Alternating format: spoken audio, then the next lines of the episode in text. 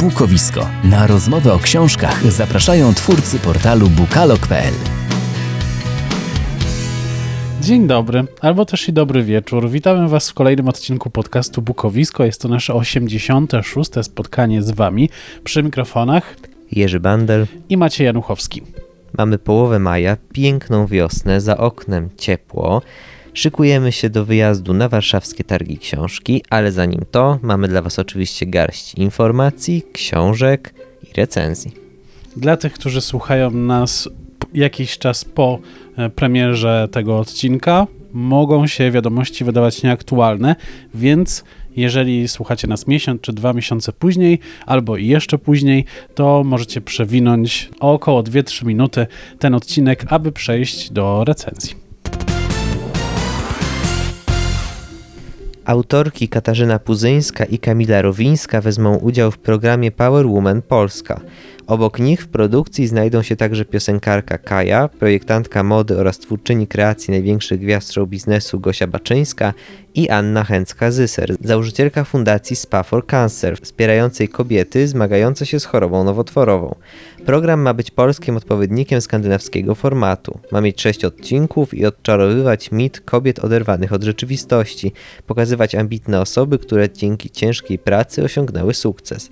Widzowie mają mieć szansę zobaczyć nie tylko drogę na szczyt każdej z bohaterek, ale ich codzienność. Program w formie miniserialu ma być dostępny na platformie streamingowej Viaplay jesienią tego roku. Joanna Struber-Kraus została prezesem zarządu spółki Targi Książki Spółka ZO w Warszawie. Firma ta była dotychczas organizatorem warszawskich targów książki. Tegoroczne wydarzenie nie jest przez nią realizowane.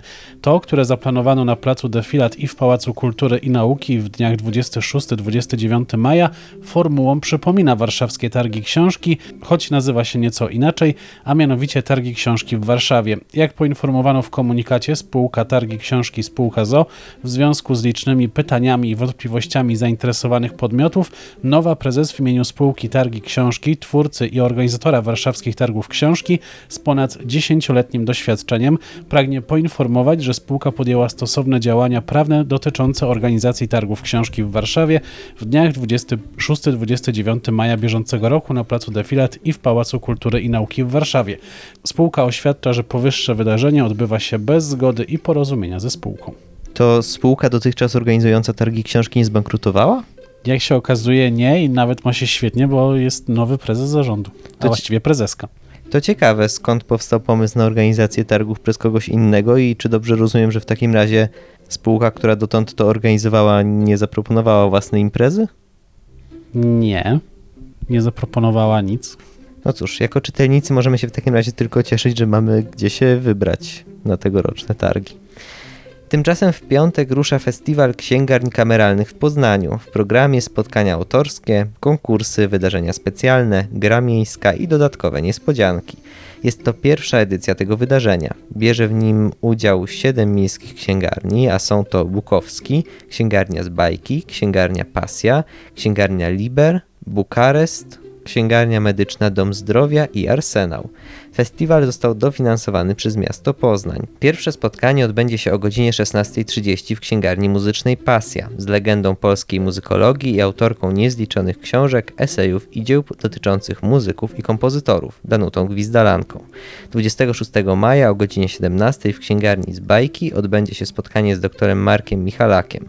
Szczegółowy program znajdziecie na stronie festiwalksięgarnikameralnych.pl. Ruszył plebiscyt Fest Księgarnia na ulubioną, niesieciową księgarnię w Poznaniu. Plebiscyt organizuje wydawnictwo miejskie Poznania. Jak informują organizatorzy, w Poznaniu działa ponad 30 lokalnych księgarni kameralnych. Są to księgarnie indywidualne, stacjonarne lub antykwariaty księgarskie, zarówno specjalistyczne, jak i ogólnoasortymentowe. To przeważnie małe podmioty, często prowadzone przez rodziny czy grupy przyjaciół. Posiadają autorski wybór oferty książkowej i często własne, ciekawe ciekawe programy popularyzujące czytelnictwo, budują klimat miasta oraz przyciągają i integrują lokalne społeczności. Głosować można tylko na księgarnie, które zostały wymienione w specjalnym wykazie Polskiej Izby Książki. 10 najlepszych, czyli z największą ilością głosów, otrzyma tytuł Fest Księgarnia oraz nagrody pieniężne. Pula nagród to 52 tysiące złotych, z czego zwycięzca otrzyma 10 tysięcy. Głosować można do 31 lipca na stronie festksięgarniapoznań.pl. Czas na pierwszą dzisiejszą recenzję, a właściwie z mojej strony kilka recenzji, ponieważ z okazji nadchodzących targów książki chciałbym krótko przybliżyć Wam pięciu norweskich autorów i autorek, którzy pod koniec przyszłego tygodnia odwiedzą Warszawę i których książkami w związku z tym warto się zainteresować, jeśli nie zrobiliście tego wcześniej. Przypomnę jeszcze, że to z tej okazji, że tegorocznym e, gościem honorowym targów książki jest Norwegia. Pierwszą autorką jest oczywiście Mario Bert, której dwie książki opublikowało jak dotąd wydawnictwo Pauza. Pierwszą z nich, dorosłych, kiedyś już recenzowałem, więc możecie odnaleźć ten film na moim kanale na YouTubie. Dorośli to opowieść o Idzie, bezdzietnej architektce, która ogromnie pragnie zostać matką, choć nie ma stałego partnera. Spotkanie z rodzicami, siostrą oraz jej rodziną w rodzinnym domku nad fiordem skłania ją do rewizji dotychczasowego życia i do wielu gorzkich refleksji, a sielankowy wyjazd wakacyjny zmienia się w koszmar. Ogromnie polecam Wam tę książkę, jest poruszająca i bardzo aktualna. Autorka porusza w niej ważne tematy rodzicielstwa, kariery, czy tego, co ogólnie nazwać możemy sukcesem życiowym. Z kolei debiutanckiego zbioru opowiadań o Bert pod tytułem Zabierz mnie do domu jeszcze nie znam. Wydawnictwo reklamuje je jako lusterka, w których każdy z nas może się przeglądać. Autorka pisze o znanej nam codzienności w równie poruszający sposób co w powieści. Jeśli czytaliście, napiszcie koniecznie jakie macie wrażenia. Motyw rodzinnych niesnasek i tajemnic jest moim zdaniem charakterystyczny dla współczesnej literatury skandynawskiej i często się w niej pojawia. Podobnie jest u Vigdis Hjort, autorki Spadku, opublikowanego u nas już kilka lat temu przez wydawnictwo literackie. Jak sam tytuł wskazuje, problem dotyczy spadku po ojcu. Bergliot została wykluczona z rodziny, nie otrzyma swojej części. Tak zadecydowali jej siostra i brat. Walczy o prawdę, o ujawnienie tajemnic przeszłości rodziny, spotyka się jednak z odrzuceniem i deprecjonowaniem na każdym kroku, zwłaszcza ze strony tych, którzy powinni być wsparciem.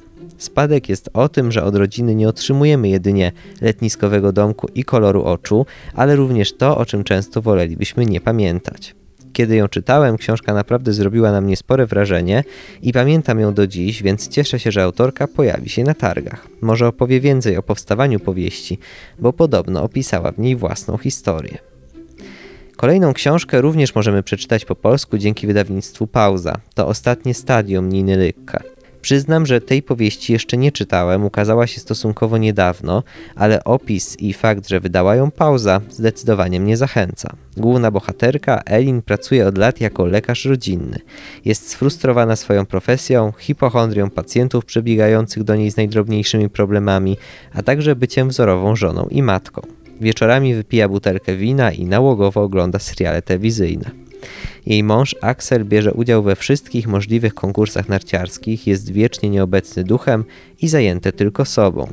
Pewnego dnia przez pomyłkę Elin wysyła zaproszenie na Facebooku swojemu dawnemu chłopakowi Bjornowi. Konsekwencje, jakie jej działanie za sobą pociąga, wywracają świat Elin do góry nogami. Pełna wątpliwości i dylematów porzuca dom i zaczyna się ukrywać we własnym gabinecie lekarskim. Tu rozmyśla o swoim żałosnym małżeństwie i wygłasza kąśliwe uwagi na temat pacjentów. Jedynym towarzyszem jej samotności jest ludzki szkielet anatomiczny, którego wyzywający i zjadliwy głos wybrzmiewa stale w głowie Elin. Powieść Lykka ma być satyrą na obraz raju, którym często opisuje się kraje skandynawskie, próbą pokazania, że daleko im do ideału, który często im przypisujemy. Myślę, że to może być ciekawy głos wśród norweskich pisarek. Dodam, że z okazji tego, że gościem honorowym targów jest Norwegia, wydawnictwo Pauza oferuje 50% zniżkę na swoje książki autorów i autorek skandynawskich, więc jeśli potrzebujecie uzupełnić swoją kolekcję, zajrzyjcie na ich stronę. Wraz z kolejną książką powracamy do tematów rodzinnych kłótni. Polskę ponownie odwiedzi Helga Flatland, autorka współczesnej rodziny. Powieść ukazała się jako jeden z pierwszych tomów serii dzieł pisarzy skandynawskich, wtedy też ją recenzowałem. Opowiada o trójce rodzeństwa: Liv, Ellen i Hakonie, którzy dowiadują się, że ich rodzice postanawiają się rozstać po 40 latach małżeństwa. Ta wiadomość całkowicie burzy rodzinne życie i poukładaną dotąd sytuację, choć wydawałoby się, że dzieci są już dorosłe i każde z nich ma swoje życie. Portrety psychologiczne bohaterów Flatland są ciekawe i pogłębione. Każdy z bohaterów jest inny i ciekawie opisany. Autorka pokazuje, jak przeszłość i dzieciństwo, sposób wychowania i wszystko, w co wierzymy, może obrócić się przeciwko nam. Na sam koniec krótko coś dla fanów kryminału. Warszawę odwiedzi Jörn Leierhorst, autor serii kryminałów z Williamem Wistingiem w roli głównej. Ja czytałem tylko jeden, pierwszy tom tej serii, ale mam z nim naprawdę miłe wspomnienia, więc mogę go polecić. Nie wiem natomiast jak z pozostałymi tomami. Horst ma w Polsce również zagorzałych wielbicieli, więc spodziewam się, że i wśród Was są fani Wistinga. Ze wszystkimi autorami będziecie mogli spotkać się na targach w Warszawie, więc jeśli tylko macie okazję, bądźcie koniecznie na placu Defilat i w Pałacu Kultury i Nauki. My na pewno tam będziemy. Bogdan Smoleń to aktor i kabareciarz, którego zna kilka pokoleń Polaków. Przez lata rozśmieszał nas czy to w kabarecie tej, a później m.in. w serialu Świat według kiepskich, gdzie wcielał się w rolę listonosza Edzia. Od czasu zaangażowania się w kabaret tej, czyli od roku 1978, związany był z Poznaniem, gdzie zmarł 15 grudnia 2016 roku. Niedawno na polskim rynku wydawniczym ukazała się biografia artysty, wydana przez Poznański Dom Wydawniczy czy Rebis. Pozycja nosi tytuł A tam cicho być biografia Bogdana Smolenia. Jej autorką jest Katarzyna Olkowicz, która wcześniej również dla Rebisu razem z Piotrem Baranem napisała biografię Andrzeja Zauchy. W biografii o Bogdanie Smoleniu dowiadujemy się bardzo dużo na temat jego życia i to od wczesnych lat. Znając Smolenia powierzchownie, jest to dla nas bogate źródło informacji o artyście. Możemy znaleźć w niej takie informacje jak ta, że w wieku 5 lat urywa się jego kontakt z matką na ponad 2 lata. Ma to związek z chorobą kobiety. Prawdopodobnie podczas wyjazdu z prowadzonym przez siebie kółkiem teatralnym na Światowy Festiwal Teatralny do Warszawy zaraziła się chorobą Heinego Medina. Wtedy uważano, że na tę zakaźną chorobę najbardziej narażone są dzieci w wieku do 5 lat. Dlatego postanowiono o separacji Bogdana i jego dwuletniej siostry, by nie zarazili się od matki. W późniejszych latach bohater razem z siostrą opiekuje się matką, która przykuta jest do łóżka. Zresztą, jak się okazuje, matka Smolenia potrafi też pisać skecze, które chętnie wykorzystywane są w pierwszym kabarecie, w którym występuje Bogdan, czyli pod budą. Katarzyna Olkowicz w biografii Bogdana Smolenia rozprawia się też z plotkami czy nieścisłościami związanymi z artystą. Jak podkreśla, jedną z nich jest to, że był on współzałożycielem kabaretu Tej. Mało kto pamięta, ale Smoleń do tej grupy kabaretowej dołączył, kiedy o tej było już głośno, a kiedy ze składu odszedł Janusz Rewiński. Wielu być może zdziwi fakt, że w duecie z Zenonem Laskowikiem Smoleń mówił w zdecydowanej większości teksty napisane przez tego pierwszego. To Laskowik był twórcą sketchów i to do niego trafiały z tego tytułu wszystkie tantiemy. Były nawet o tym dyskusje, które wywoływał Bogdan, który liczył również na jakiś grosz z tego tytułu. Jednak Laskowik zawsze miał trudne do podważenia argumenty, a mianowicie ilość włożonej pracy w to, co później przedstawiają na scenie. W biografii Bogdana Smolenia znajdziemy też dużo informacji o jego życiu po śmierci syna i żony. W 1990 roku Piotr, jeden z jego trzech synów, popełnił samobójstwo. Rok później życie odebrała sobie jego żona. Ta wielka strata odbiła się też na kondycji psychicznej Bogdana Smolenia, który na kilka lat przestał pracować. Zanim jednak dochodzi do tej tragedii, wielokrotnie w książce pada stwierdzenie, że małżeństwo Smoleniów było dobrane i zgodne. Jednak kiedy Bogdan robił karierę w Poznaniu, to Teresa czyli jego żona, wychowywała ich dzieci i była z tym sama wiele kilometrów od Poznania. Dopiero po ponad roku Bogdan sprowadził rodzinę do stolicy Wielkopolski. Oddanie Teresy w wychowaniu dzieci i pozwoleniu mężowi na nieskrępowaną pracę jest również czymś, co podkreśla Katarzyna Olkowicz oraz jej rozmówcy, których fragmenty wypowiedzi umieściła w biografii Smolenia. W książce znalazły się też tematy związane z końmi, które były miłością życia Smolenia oraz chorobą alkoholową, przez którą skrzywdził wiele osób, w tym swoje dzieci. Ostatnie rozdziały dotyczą współczesności, m.in. pogrzebu Bogdana Smolenia w 2016 roku oraz tego, co wydarzyło się w Poznaniu 5 lat później, czyli postawieniu pomnika artysty siedzącego na ławeczce, do którego można się przysiąść. To już kolejna książka z tej e, serii biografii, którą wydał dom wydawniczy Rebis. Ona chyba całkiem fajnie wypada, prawda? Bardzo dobrze. Mm, Jest wiele zdjęć, o czym akurat przy okazji e, tej recenzji nie wspomniałem, ale mówiłem o tym przy okazji recenzji biografii Krzysztofa Krawczyka, która w tej serii się ukazała i to całkiem niedawno, 6 miesięcy? Parę miesięcy temu. Parę miesięcy.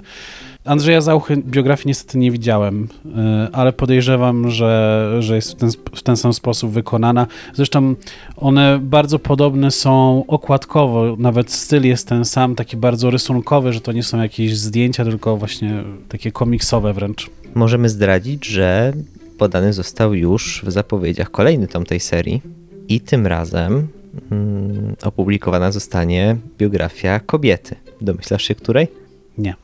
Będzie to jedna z piosenkarek, którą lubimy, a która też już nie żyje, czyli Kora. O, Więc jak sądzę, będziesz chciał ją dla nas przeczytać i zrecenzować. oczywiście, że tak. Bardzo się cieszymy. Szczególnie jeżeli pani Katarzyna będzie autorką tej biografii, no to Na to nie spojrzałem, kto będzie autorem. Ale autorką biografii Krawczyka też była jakaś dziennikarka, tylko inna i też to było bardzo dobre, więc być może Rebis ma po prostu szczęście do, y, do tych biografii, do autorek tych biografii i autorów, bo wcześniej byli też panowie. Zobaczymy za jakiś czas, kiedy będzie wiadomo więcej, na pewno zapowiemy tę książkę i opowiesz o niej trochę szerzej. A zanim to, ja przygotowałem na dzisiaj inną zapowiedź. e, Zapowiedź tygodnia. Książka, która pojawi się u nas 6 czerwca. Nakładem wydawnictwa Pauza. Strega Johanny Lyke Holm. W górskim hotelu nieopodal fikcyjnej włoskiej wioski Strega pracuje sezonowo grupa młodych kobiet. Wypełniają nieustannie te same obowiązki, aż granice między identycznymi dniami zaczynają się zacierać, a wspaniały hotel okazuje się przedziwną pułapką, zawieszoną pomiędzy snem a jawą, która skrywa różne tajemnice. Bardzo zachęca mnie opis, który głosi, że atmosferą powieść przypomina piknik pod wiszącą skałą oraz powieści Kinga. Mam nadzieję, że bardziej jednak to pierwsze. Podobno senna, klimatyczna narracja, nieusytuowana w żadnym konkretnym czasie, osiąga punkt kulminacyjny w momencie katastrofy i bardzo oddziałuje na naszą wyobraźnię. Na pewno będę chciał to sprawdzić. To wszystko, co przygotowaliśmy dla Was w dzisiejszym odcinku. Mamy nadzieję, że dobrze Wam się słuchało i znaleźliście trochę inspiracji do czytania na ciepłe majowo-czerwcowe dni. Za tydzień o tej porze będziemy już pakowali ostatnie rzeczy do naszych walizek, abyśmy spotkali się na targach książki w Warszawie. No i mamy nadzieję, że z niektórymi z Was się spotkamy. Nie jesteśmy gospodarzami tego wydarzenia, ale zapraszamy Was serdecznie do Warszawy. Do usłyszenia w przyszłym tygodniu. Do usłyszenia, Maciej Januchowski. I Jerzy Bandel. Cześć. Podcast Bukowisko znajdziesz na YouTubie, Spotify, Google Podcast i Apple Podcast.